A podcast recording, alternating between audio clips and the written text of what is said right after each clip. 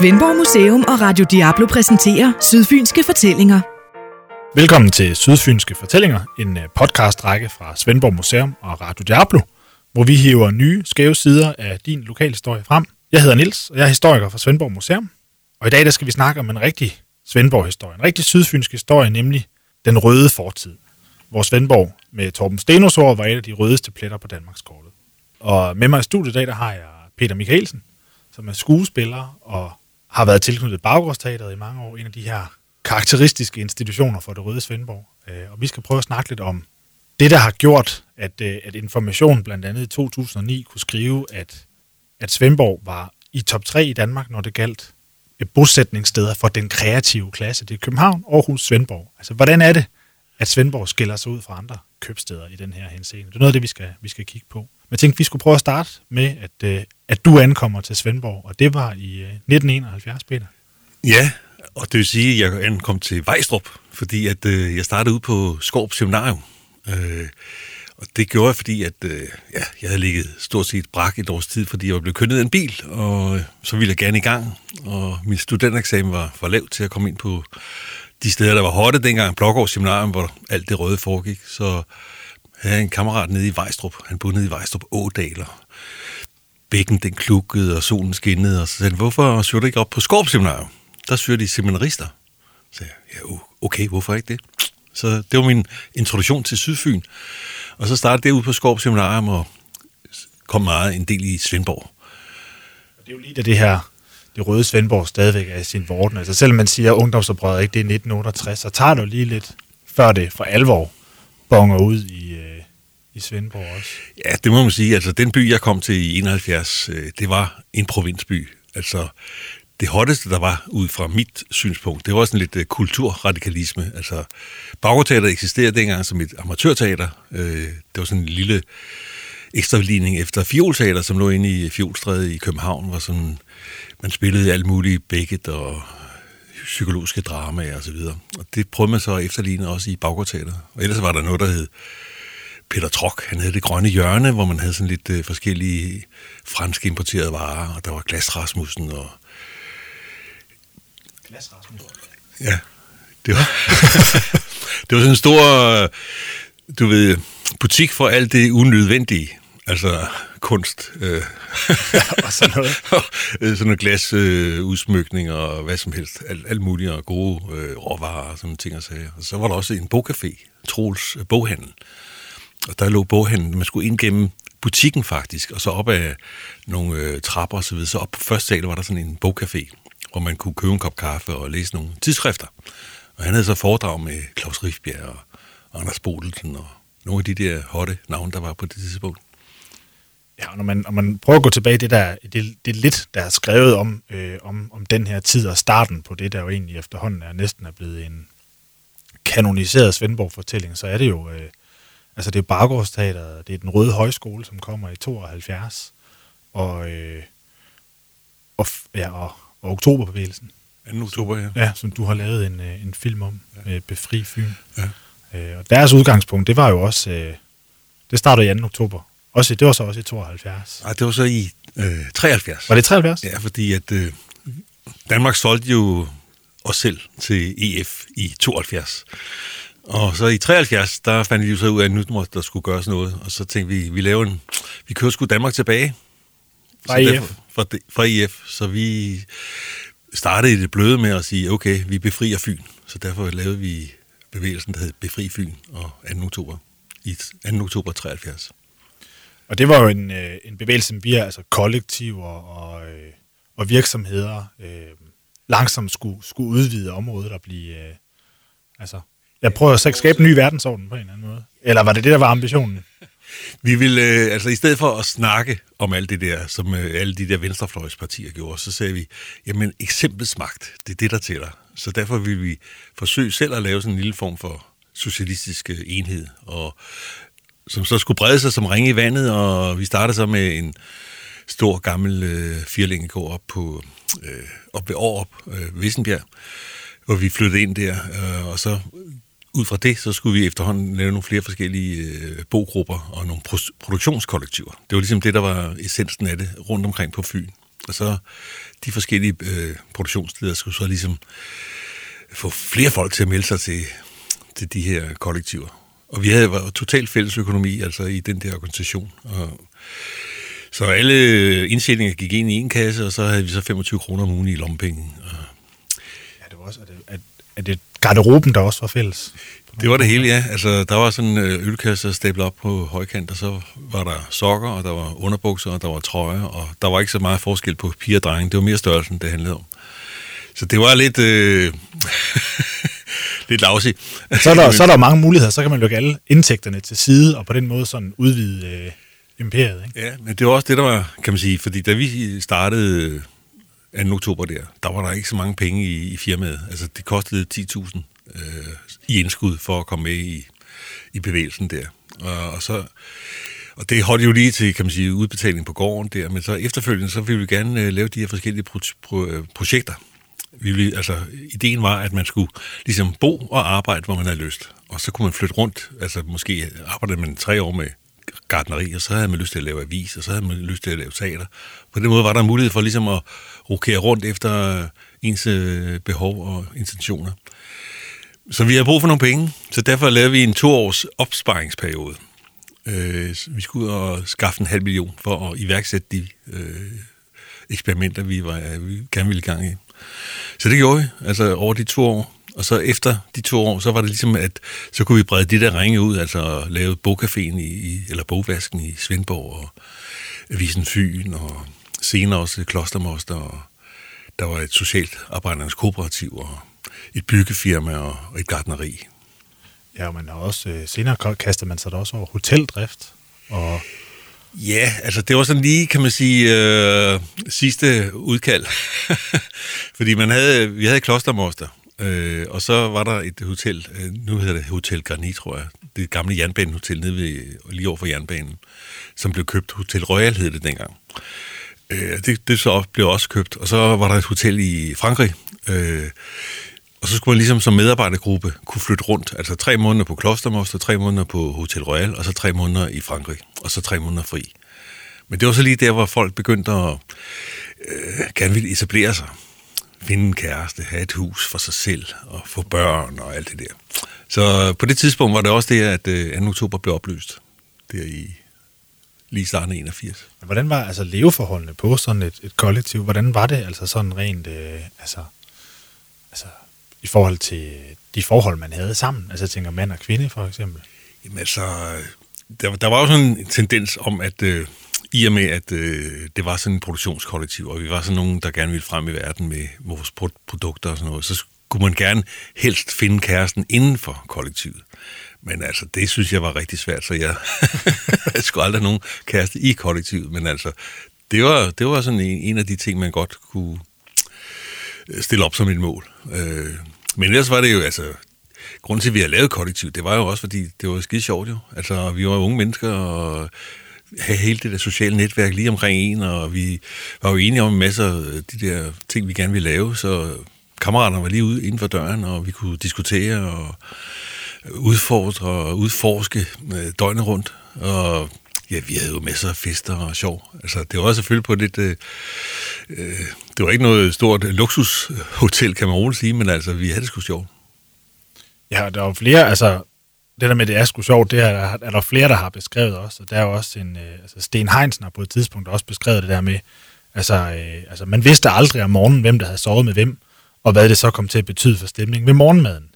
Han skriver så, jeg havde ikke noget kærlighedsforhold til nogen af de kvinder, jeg boede sammen med, der var mange andre kærlighedsforhold på kryds og tværs. Og øh, han skrev så også, at det, det kunne gruppen ikke holde til længden. Altså, der var sådan lidt jalousi frem og tilbage. Men, men det var jo i virkeligheden noget, man også skulle lægge lidt fra sig. Jamen, det var det, altså jalousi, det var jo sådan noget, at øh, det var sådan en borgerlig følelse. Øh, og den øh, mente vi jo ikke eksisterede i vores øh, kreds. Men det måtte vi jo så indrømme efterhånden, at øh, når forholdene efter, efterhånden etablerede sig, så, så var der jo altså masser af følelser, og det der jalousi, det er jo fandme, som alle sikkert har oplevet, noget, der er rigtig svært at styre. Ikke? Altså pludselig, det er en, en voldsom kraft, ikke? som godt kan tage, tage tæten for alle. Så på den måde var der nogle af de ting, som øh, i løbet af de der 7-8 år, som øh, kollektivbevægelsen eksisterede, måtte vi erkende, at øh, et er at have nogle drømme og nogle utopier, men et andet er øh, en virkelighed og, en, og udgøre det der i praksis. Ikke? Det, det er to forskellige ting.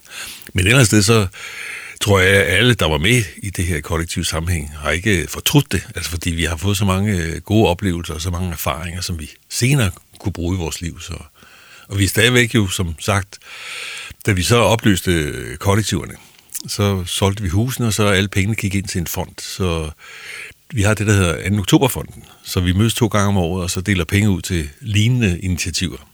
Så på den måde, så er det jo sådan en form for familie stadigvæk, hvor vi mødes og kan diskutere. Og... Ja, det er 2. oktober og 1. maj, er det ikke øh, sådan, eller hvordan? Nej, det, jo, no, jo, jo, det er ja. den første lørdag i oktober, den første lørdag i maj, hvor vi mødes, ja.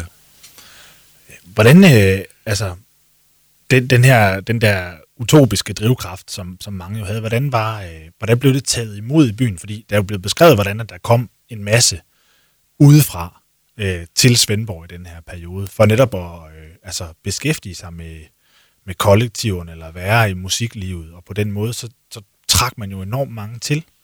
Øh, hvordan, øh, hvordan oplevede du mødet mellem øh, by og så øh, de nye tilflyttere? Altså jeg vil sige, at øh, jeg kom sådan øh, i forkant på hele den der udvikling, så på den måde så blev jeg sgu rigtig godt modtaget og fik mange altså, sydfynske venner og kammerater og så videre. Men efterhånden som øh, den der store tilflytning begyndte, så var det jo at øh, byen begyndte at vågne lidt op og sige, hvad er det for nogle folk, der kommer her? Hvad er det for nogen? Øh, hvad vil de egentlig gerne her? Og på den måde kom der også en skepsis, og man kan sige, at den røde højskole, som ligesom var også en af de første, kan man sige, socialister, der flyttede til byen, ikke? Øh, de blev mødt med meget skepsis, og de havde jo så købt den der gamle Bogø øh, gård med, nede midt i byen, altså på det mest hellige sted i Svendborg. Og så begyndte de at synge røde sange og med åbne vinduer og så videre. Så på den måde blev den hurtigt kaldt den røde møgskole. Altså det var simpelthen noget, man ikke kunne altså rigtig forlige sig med, at der skulle være sådan en socialistisk rød øh, borg midt i Svendborg. Og på den måde vil jeg også sige, at øh, som øh, vi, vi forsøgte jo også at være lidt øh, debatskabende og lidt diskussionspåtrængende. Og det var altså heller ikke noget, som byen synes var særlig rart at have og, og kunne rumme som sådan. Altså Viggo Schulz, som jo borgmester, har udtalt et interview der med, at han synes, det var rigtig svært et at blive kritiseret i stykkerne på baggårdsstater, og så et par uger efter modtage en ansøgning om kommunal støtte. Altså det var, det var lidt svært. Også fordi der var et andet ideal for, øh, for hvordan, altså for hvilket teater man skulle være.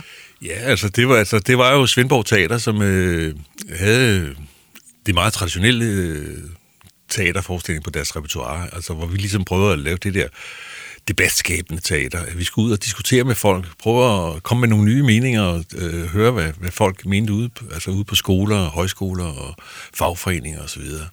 Og, og øh, Viggo Schultz, øh, altså han var jo han var godt nok socialdemokrat, men altså socialdemokrater i provinsen på det tidspunkt, de var jo mere konservative end de mest konservative, så et eller andet sted var han jo ikke til at rykke ret langt, og han synes jo, at det, fordi han blev kritiseret, så blev han, følte det jo som en personlig fornærmelse, og brugte argumenter med, at det var totalt amatørteater, og rigtig dårligt, og altså, det, de skulle ikke have støtte. Hvad fanden lavede sådan nogle københavner herover ikke? Altså autodidakte københavner forsvinde hjem til djævleøen og skyde jer selv. Det var sådan noget den stil, altså... Øh... Så lige fra borgmesteren, ikke? Ja. Men der, der var også en sammenhæng med, at man forsøgte jo at få en mere central plads, men blev så sat ud i, øh, i, i rottefælden, ikke?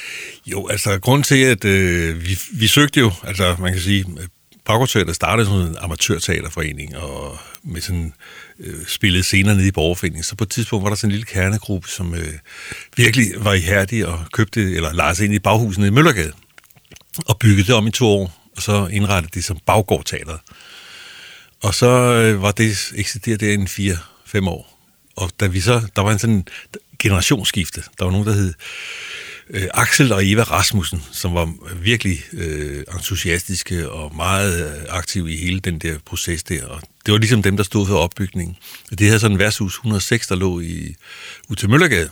Og det var ligesom indslusningssted for de unge mennesker til at komme i teater, fordi der kom mange af de der folk, der gik på seminarier og sådan noget, og så sagde Axel, hvad, kunne du ikke tænke dig at komme over og prøve at stå på scenen? Og Så kom de derover, og det synes det var skide sjovt, og så kom de med og efterhånden så var der flere og flere unge mennesker, som også med de der lidt radikale holdninger i forhold til at spille teater, hvor det, det traditionelt kan man sige, at det baggårdsteater var sådan lidt mere traditionelt øh, repertoire. Så Axel og Eva, de rejste på et tidspunkt, og så tilbage var vi unge mennesker her, så vi lavede noget socialistisk teater. Og vi søgte penge, og fik så i 76 øh, 67.500 og en øh, bil til at køre rundt i. Og så ansatte vi os selv, og så begyndte vi at lave skoleteater. Og vi forsøgte jo så at, hele tiden at få penge fra kommunen til at etablere som egensteater, fordi vi følte, at vi hørte hjemme i Svendborg, og gerne ville lave en masse øh, ting, teater på, i, i Svendborg. Men det var kommunen ikke interesseret i. Men øh, for at vi kunne få de der penge til at blive professionelle, så skulle vi have nogle øh, større lokaler. Så vi blev sendt ud i Rottefælden, som var sådan et øh, jo, sommerteater, ikke? Altså, og det havde brug for at blive varm op om vinteren, og der var vi jo ideelle til at flytte ind der og varme lokalerne op, så de kunne bruges om sommer til revyen. Det var den øh, vigtigste intention for kommunens øh, handling der. det, er jo, det var sådan, det var der baggårdsteateret du har til huset stadigvæk. Ja, ja. Og så er, det, så er vi bygget om på det nu siden, kan jeg sige. Altså først startede vi altså, med, for at ligesom at kunne være der overhovedet. Altså det var skidekoldt, og der var ikke ret meget plads og sådan noget. Så det byggede vi om på i rigtig mange år. Ja, så gradvist så er baggårdsteateret kommet ind i varmen. Nu er, jo, nu er det jo et, et egen teater, kan man sige. Så ja. stille og roligt, så er man kommet tættere på. Det var først, da alle vi gamle der, der havde forladt skuden, så vente, øh, vente, kan man sige, vinde, sådan at øh, baggårdsteateret pludselig blev anerkendt som et teater, der var støtteværdigt, og blev, ja, man kom ind på de fine bonede øh, gulve, og den udvikling har så fortsat, og man kan sige, det er også øh, sikkert grund til, at det overhovedet er overlevet i dag, ikke? Altså, det var, at øh, det er blevet et, øh, et egenstater. Altså, en af, jeg vil sige, i al beskedenhed, en af de sidste forestillinger, jeg var øh, lavet som direktør dernede, det var Lysår Svendborg. Og den har jeg indtryk af virkelig også øh, markeret et vendepunkt i forhold til, hvad byen kunne ligesom acceptere i forhold til teater, fordi det var en forskning, som satte Svendborg på landkortet, og selv i Fyns Amt stod der, at det var et must for alle Svendborgensere at se den forestilling. Så er man nået langt. ja, det kunne man ikke have forestillet sig, da i 70'erne, at det er avisen... Nej, altså vi, vi, vi lavede faktisk et, et, en forskning, der hed Lys, eller øh, Liv Fattigården, Ja, det var en stor succes. Som også var en kæmpe succes, og som hele Svendborg stort set var inde at se, undtagen byrådet, som vi havde håbet på at ville se forestillingen og bevilge nogle penge. Men det gjorde de så ikke. Altså, og det, det stykke, det foregik jo på, på Fattigården, hvor Svendborg Museum har til hus i dag, sammen ja. med Forsvarsmuseet. Og jeg, jeg kan godt love dig for, at der kommer stadigvæk masser af mennesker ja. øh, hvert eneste år og kommentere på, at det var altså et godt stykke. Ja. Og sådan noget. Det er jo, altså, det er jo godt over 40 år siden efterhånden. Ikke? Ja. Eller næsten 40 år ja. siden. Så det er jo noget, der har virkelig har, ja. har sat sig fast. Så der kommer man langsomt ind i byens øh, sådan, Jamen, helt sikkert, liv, ja, ja, jo. Altså, men stadigvæk var det jo også... Øh, altså på den måde er Svendborg jo også øh, meget opdelt, altså i grupper. Altså, hvem går i Baggårdteater, hvem går i Svendborg Teater, hvem går i kunstforening, og på den måde øh, har man sine faste vandingssteder, ikke? Altså, og på, ja, cirkler. Altså, øh, og det er jo nok måske også øh, provinsens kendetegn, at øh, det er svært at, at bryde de cirkler, ikke? Ja, det var noget af det, der, der tiltrak mange til at starte med, tror jeg. Altså, at, at det føltes som om, at cirklerne ikke var så lukkede, eller man begyndte at etablere, etablere nye cirkler der i, i 70'erne, altså i, uh, i det magasin, der hedder Hook, øh, fra 82, der handler om græsrødder i Svendborg. Ikke? Den hedder jo I provinsbyens favn, og der bliver Svendborgs sensualisme beskrevet den der åbenhed. Kunne det her være det, øh, det alternative paradis? Ikke? Ja. Øhm, og der bliver der også nævnt sådan noget som, som rød, den røde, røde højstrøm. Men det, det, det, er ret interessant, det der forhold til byen. Altså, er man med, eller er man ikke? Er man ikke inde? Og der er jeg ikke helt sikker på, at, at, at den røde højskole på samme måde nåede at blive komme ind i varmen. Altså, nej. Øh, altså, nej. Det har altid været sådan en, en, en sten i skoen, vil jeg tro. Altså, øh, fordi at det, øh, et eller andet sted i en højskole, nu har jeg selv arbejdet ude på Ore, ikke? Altså, og et eller andet sted er højskolen ligesom lukkende om sig selv, fordi der er så mange øh, ting at tage vare på, og det er elevernes øh, ved at virke, man, man koncentrerer sig omkring. Så det der med at være udadvendt, det kommer ligesom sådan, åh, oh, nå, det skal vi også. Øh, og jeg ved, at den røde højskole, de prøvede virkelig på at lave sådan øh, foredrag og invitere byen ind og så videre, så videre. Det lykkes aldrig. Nej, man siger, at det er også det er nogle interessante tider, altså man kan sige, at øh, PET lavede faktisk en overvågning af, af, af den Røde Højskole i 79, fordi at man jo frygtede for de forbindelser, der var fra Svendborg til, til de kommunistiske regimer i Kuba og, øh, og Sovjet, øh, hvor man jo blandt andet med udgangspunkt i den Røde Højskole arrangerede studieture og til, også til DDR og sådan nogle ting. Altså, og man kunne blive lært op i de her ting. Og der var en, der på et tidspunkt mente, en besætter, der fortalte, at han havde også fået undervisning i i gadekamp og sådan.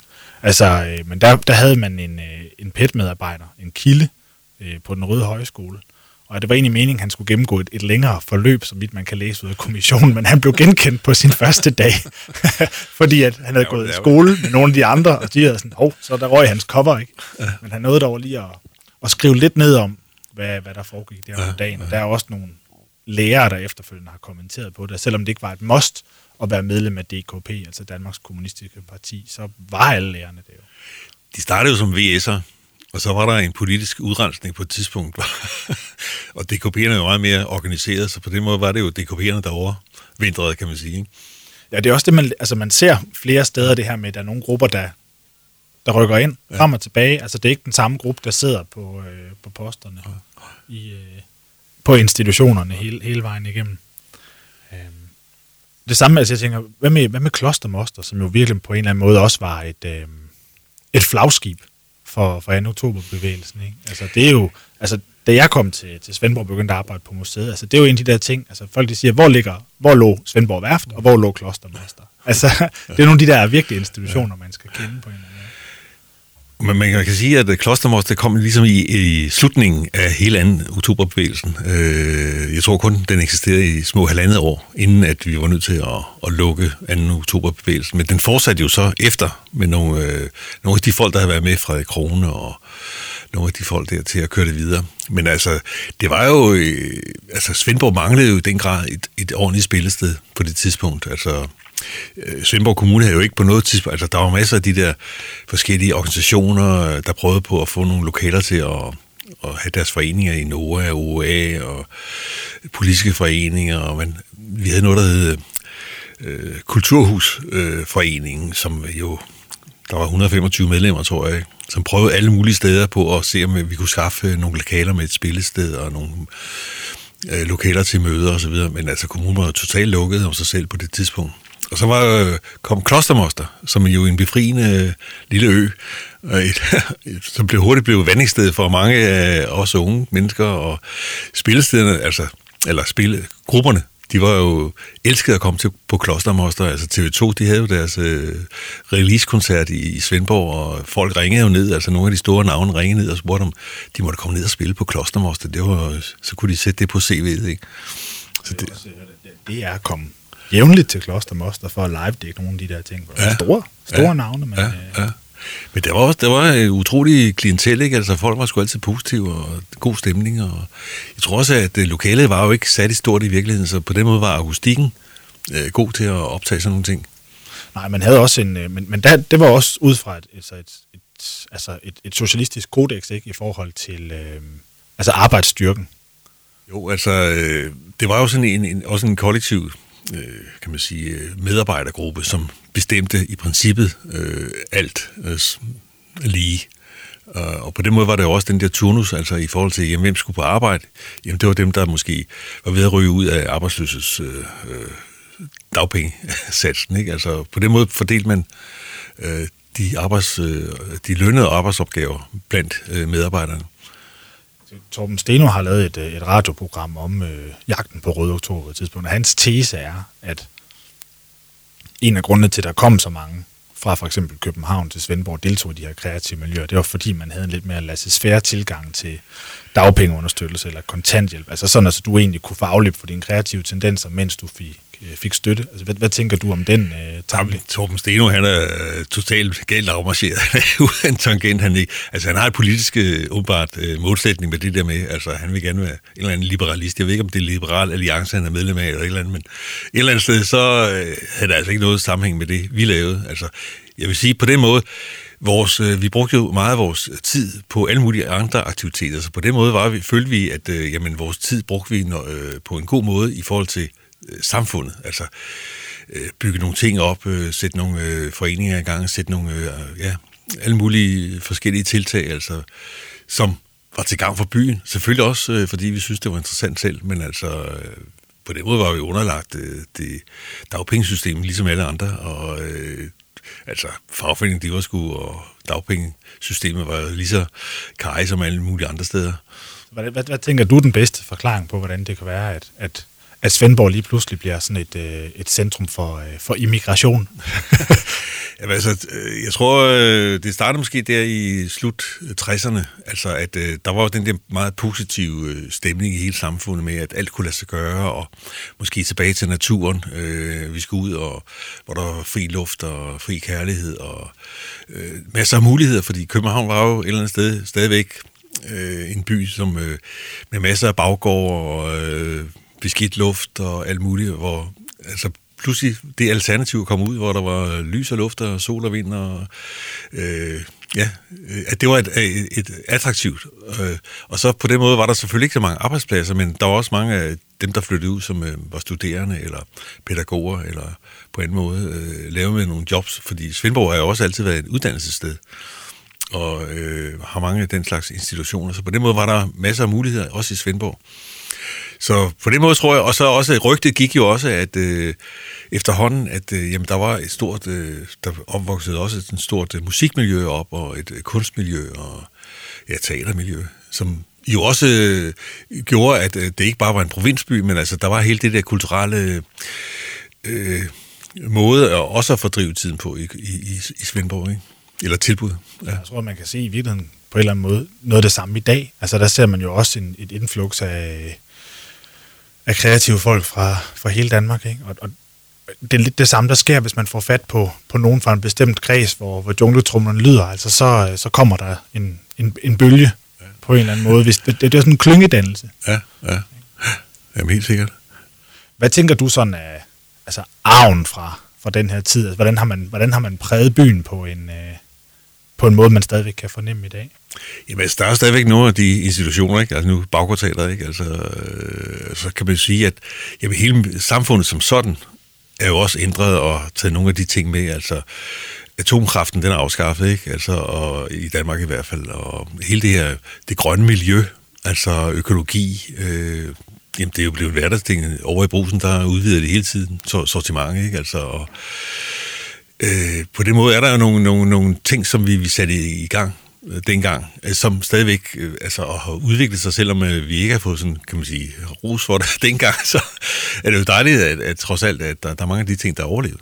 Jeg tænker også i forhold til Svendborg, altså når, når byen bliver fremhævet som en, som en lille storby, ikke med, med 700 koncerter om året, eller sådan noget, så skyldes det jo på en eller anden måde i høj grad også arven efter nogle af de kreative institutioner og miljøer, der blev grundlagt på det tidspunkt selvom den, den røde højskole er lukket, og det samme gælder Klostermoster, så er der jo rigtig mange af de samme mennesker og det samme drive mange steder. Ja. Jamen helt sikkert. Altså, jeg tror, på den måde er der mange øh, kreative folk, der er, føler sig tiltrukket af byen. Ikke? Altså hele det der musikmiljø er også, også med, med Harders og øh, hvor der er masser af spille, øh, hvad hedder det, øvelokaler og ting og sager, ikke? Altså også øh, ganske gratis, eller hvad hedder gradvis. Der er, de der værtshus er jo også været hjem, øh, hjemsted for masser af koncerter, altså ganske små spillesteder, ikke? Altså, vi havde, på et tidspunkt har der jo altid været sådan, at Svendborgenser, de ville skulle nyde her pengene op i lommen, når de skulle ud og høre musik, ikke? Fordi der var så mange øh, spillesteder rundt omkring, som havde gratis musik på de der værtshus, ikke? Så, og det har, det har været noget at, at skulle lære øh, Svendborgenserne op på, altså at jamen, øh, kunstnere, de skal altså også kunne leve. Altså, det er jo ikke gratis. De har også et køleskab, der skal fyldes og så videre, ikke? Så på den måde, så men det, på den måde er det både godt og skidt, altså at øh, det der helt frie musikmiljø, som, hvor du kan jo gå rundt i byen øh, sådan en lørdag aften, ikke, hvor der er musik, jeg ved ikke hvor mange steder, altså gratis, ikke? Altså, det er ikke meget, du kan gøre det i København, ikke? Ja, det er jo en helt fantastisk ting. Det er også noget, det der gør, gør Svendborg særligt. Det er også derfor, at man, vi tager fat i sådan en historie som netop det røde Svendborg, fordi det er jo sådan en, en næsten kanoniseret Svendborg-historie efterhånden. Altså det er en del af byens sådan vibe og historie. Øhm, så du skal have tusind tak for, for indføringen i den her del af, af Svendborgs fortid, Peter. Men, uh, tak fordi jeg måtte komme, og det er jo altid dejligt at få lov at snakke om historien. Og nogle gange er det jo meget godt selv at fortælle historien, som har været en del af det, ikke? Fordi tit, ellers så sidder der måske nogle universitetsstuderende på et eller andet Københavns Universitet og sidder senere og tænker, hvad fanden er det for noget, ikke? Så, så laver de en helt anden historie. ja, lige præcis. Det der med at høre det fra hestens egen mund, det er altså noget, der kan noget.